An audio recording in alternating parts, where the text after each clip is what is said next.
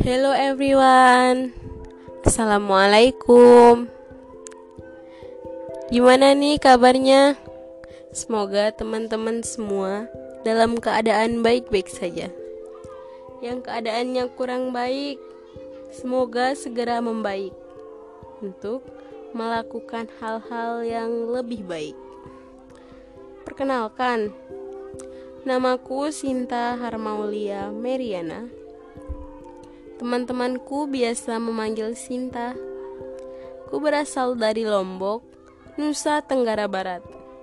Tahu kan Pulau Lombok? Pulau yang terkenal dengan wisata alam dan pantai yang begitu indah. Selain itu, pulauku ini juga dikenal dengan Pulau Seribu Masjid.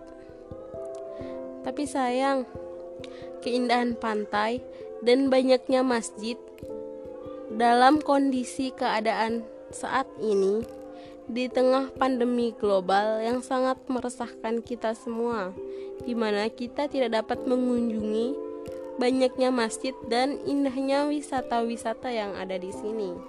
Selain itu, pandemi ini juga sangat meresahkan yang lainnya juga, seperti para mahasiswa, pelajar, guru, pekerja, dan lain sebagainya. Untuk itu, eh, semoga keadaan-keadaan di tengah pandemi ini segera membaik. Dan jangan lupa teman-teman semua juga untuk menjaga kesehatan, rajin mencuci tangan, dan melakukan hal-hal yang positif lainnya. Nah, aku merupakan mahasiswa yang berkuliah di salah satu universitas swasta yang ada di kota Bandung, tepatnya di Universitas Islam Nusantara, di mana yang biasa disebut dengan singkatan Uninus Bandung. Di sana, saya berkuliah dengan mengambil program studi pendidikan luar biasa. Nah, pada kesempatan kali ini, saya membuat podcast untuk pertama kalinya. Semoga teman-teman dapat memaklumi segala segala kekurangan dalam podcast ini. Nah, di mana dalam program studi yang saya ambil yaitu pendidikan luar biasa, pada kesempatan kali ini saya akan e, membuat podcast yang berkaitan dengan program studi yang saya ambil, yaitu mengenal lebih dekat pendidikan luar biasa. Sering kata pepatah terdengar di telinga kita, tak kenal maka tak sayang. Ketika kita hanya mendengar kata pendidikan luar biasa, apa yang kita lakukan? Memandang rendahkah? Bodoh amatkah? Ya, banyak sekali orang-orang di sekitar kita yang masih memandang rendah dunia pendidikan luar biasa.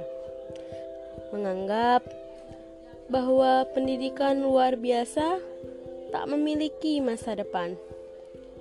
Karena menurut mereka pendidikan luar biasa adalah pendidikan bagi anak cacat mental, cacat fisik, dan kurang dalam kecerdasan.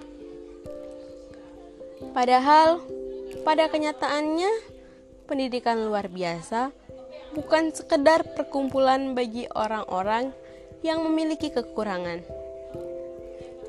pendidikan luar biasa adalah suatu sistem pendidikan bagi anak-anak yang memiliki kebutuhan khusus. Nah, selanjutnya untuk mengenal lebih dalam lagi, saya akan menguraikan pengertian dari pendidikan luar biasa. Pendidikan khusus. Nah, pendidikan khusus merupakan terjemahan langsung dari frase special education. Sedangkan pendidikan luar biasa merupakan terjemahan yang sudah disisipi nuansa rasa. Frase luar biasa selalu mengandung rasa yang dilebih-lebihkan. Oleh karenanya, anak yang menjadi kajian pendidikan luar biasa juga disebut anak luar biasa. Padahal, seharusnya kita menanamkan pemahaman bahwa mereka sesungguhnya anak biasa seperti anak-anak lainnya.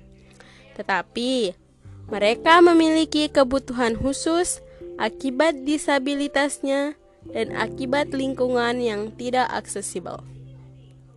Wikipedia pada tahun 2012 menyebutkan bahwa lawan dari special education adalah general education. Kalau kita menggunakan terjemahan langsung, maka kita dapat mengatakan bahwa lawan dari pendidikan khusus adalah pendidikan umum. Lalu, apa lawan dari pendidikan luar biasa? Pendidikan biasa. Tapi, istilah pendidikan biasa tidak lazim. Ini berarti bahwa ada sesuatu yang salah dengan istilah pendidikan luar biasa. Di atas semua itu, Undang-Undang Republik Indonesia membenarkan penggunaan istilah pendidikan khusus. Istilah pendidikan khusus digunakan dalam Undang-Undang Nomor 20 Tahun 2003 tentang Sistem Pendidikan Nasional pasal 32. Undang-undang tersebut menggariskan bahwa pendidikan khusus merupakan pendidikan bagi peserta didik yang memiliki tingkat kesulitan dalam mengikuti proses pembelajaran karena kelainan fisik, emosional, mental, sosial, dan atau memiliki potensi kecerdasan dan bakat istimewa. Nah, sekilas kita sudah mengetahui pengertian dari pendidikan luar biasa. Anak-anak luar biasa bukanlah anak-anak buangan. Mereka adalah anak-anak yang spesial yang membutuhkan perlakuan dan perhatian khusus. Anak pendidikan luar biasa bukan tidak mampu. Hanya saja mereka butuh cara yang berbeda dari anak normal biasanya. Seorang anak berkebutuhan khusus memiliki jiwa yang bersih. Mengapa demikian? Karena anak berkebutuhan khusus tidak pernah berpikir negatif. Mereka tidak pernah berpikir ataupun berniat untuk berbohong. Anak-anak berkebutuhan khusus juga memiliki hati yang tulus, ikhlas dalam mengerjakan apa pun tanpa berharap imbalan apa pun. Mereka tidak pernah mau berbuat curang, berbeda dengan anak normal biasanya, selalu berusaha menutupi kekurangan dan kesalahan yang mereka miliki dengan berbagai cara. Kemurnian dan kepolosan anak berkebutuhan khusus terkadang salah diartikan oleh masyarakat sekitar. Selalu saja mereka dianggap sebagai anak yang terbuang, anak yang tidak pernah diinginkan kelahirannya oleh orang tua mereka sendiri. Sadarkah kita, teman? Sudah lebih baik mana kita dibandingkan anak-anak berkebutuhan khusus itu? Sudahkah kita dapat menyamakan ketulusan dan kejujuran jiwa mereka? Hmm. Tidak hanya itu, seorang anak berkebutuhan khusus tidak semuanya memiliki kekurangan. Banyak di antara mereka yang memiliki kelebihan. Contohnya, seorang ahli fisikawan yang terkenal di dunia hingga saat ini, yaitu Albert Einstein. Einstein merupakan anak yang menderita sindrom Asperger, sebuah kondisi yang berhubungan dengan autisme. Einstein adalah salah satu contoh tokoh besar di dunia pendidikan luar biasa, di mana seorang anak yang mengidap autisme dapat menjadi seorang penemu sekaligus fisikawan dunia. Nah, banyak anak berkebutuhan khusus hanya mengembari satu bidang mata pelajaran atau satu bidang ilmu saja. Tapi, bila dia menyukai satu bidang ilmu itu, dia akan mempelajari hingga ke akar-akarnya. Dan dia akan menguasai ilmu itu melebihi siapa pun, bahkan anak normal sekalipun. Apalagi untuk anak luar biasa yang memiliki tingkat kecerdasan di atas rata-rata, dia akan jauh lebih cepat untuk menguasai satu bidang ilmu yang ia suka. Ditambah lagi dengan salah satu contoh penemu yaitu Thomas Alva Edison. Seorang tokoh besar yang terkenal dengan penemuan bola lampunya. Tahu nggak teman-teman siapa Thomas Alva Edison itu? Ia lahir di Milan, Ohio, Amerika Serikat pada tanggal 11 Februari 1847. Pada masa kecilnya di Amerika Serikat, Edison selalu mendapat nilai buruk di sekolahnya. Oleh karena itu, ibunya memberhentikannya dari sekolah dan mengajar sendiri di rumah. Ia dikeluarkan dengan di sekolahnya karena dianggap terlalu bodoh untuk seorang murid. Di rumah dengan leluasa, Edison kecil dapat membaca buku-buku ilmiah dewasa dan mulai mengadakan berbagai percobaan ilmiah sendiri. Pada usia 12 tahun, ia mulai bekerja sebagai penjual koran, buah-buahan, dan gula-gula di kereta api. Kemudian, ia menjadi operator telegraf. Ia pindah dari satu kota ke kota lainnya. Di New York, ia diminta untuk menjadi kepala mesin telegraf yang penting. Mesin-mesin itu mengirimkan berita bisnis di seluruh perusahaan terkemuka di New York. Hingga pada tahun 1879, ia berhasil menemukan lampu listrik. Di sini dapat kita lihat teman, bahwa Edison bukanlah anak yang bodoh. Ia hanya seorang anak yang membutuhkan perlakuan khusus. Kisah dari tokoh dunia dap tadi dapat dibuktikan pada kita semua bahwa anak berkebutuhan khusus adalah bukan anak buangan. Mereka anak yang spesial yang harus diperhatikan, sehingga mereka bisa mendapatkan hak pendidikan mereka seperti anak-anak normal lainnya. Nah, selanjutnya eh, dari kelainan-kelainan anak berkebutuhan khusus itu ada salah satunya yaitu ketunaan.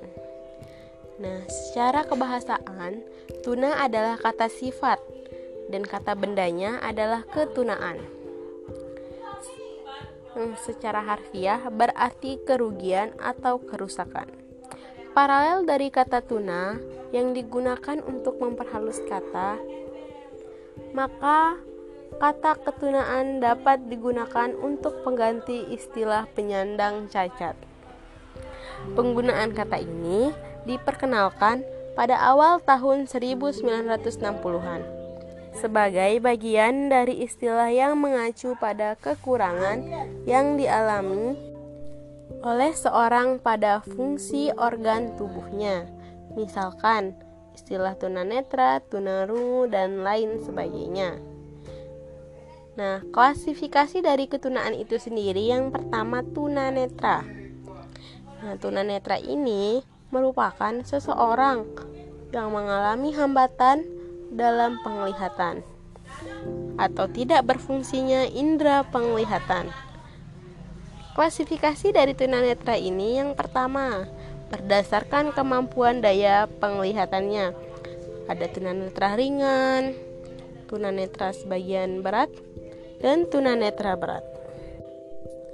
Sedangkan berdasarkan ketajaman penglihatannya ada low vision, blind, dan totally blind. Selanjutnya yaitu tunarungu.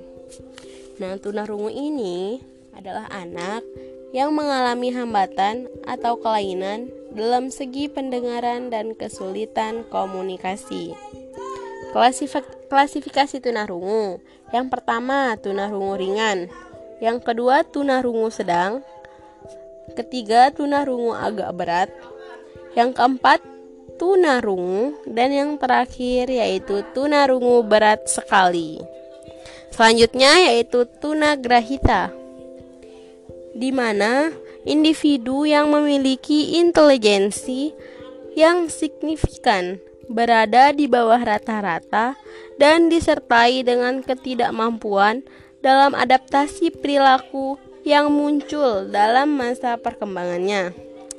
Nah, ada juga nih klasifikasi tunagrahita yaitu yang pertama tuna tunagrahita ringan, tunagrahita sedang dan tunagrahita berat.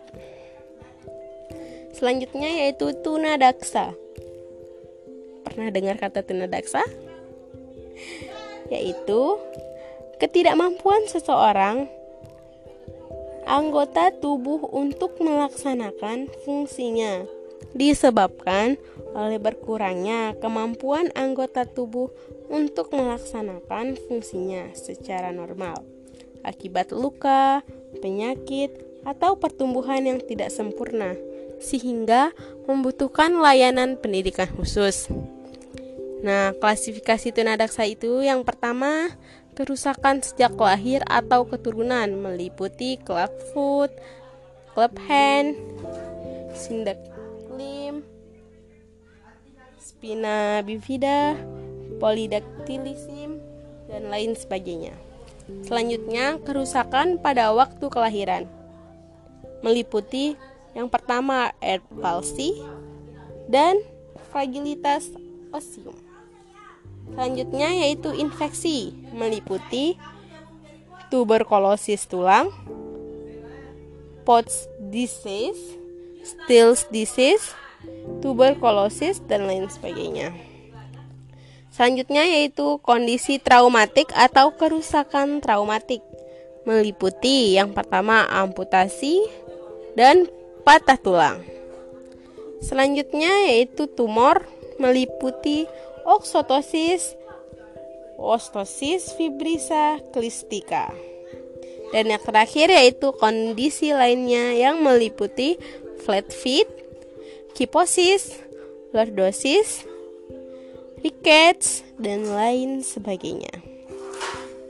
Nah, ketunaan yang selanjutnya yaitu tuna laras di mana seorang individu yang mengalami hambatan dalam mengendalikan emosi dan kontrol sosial.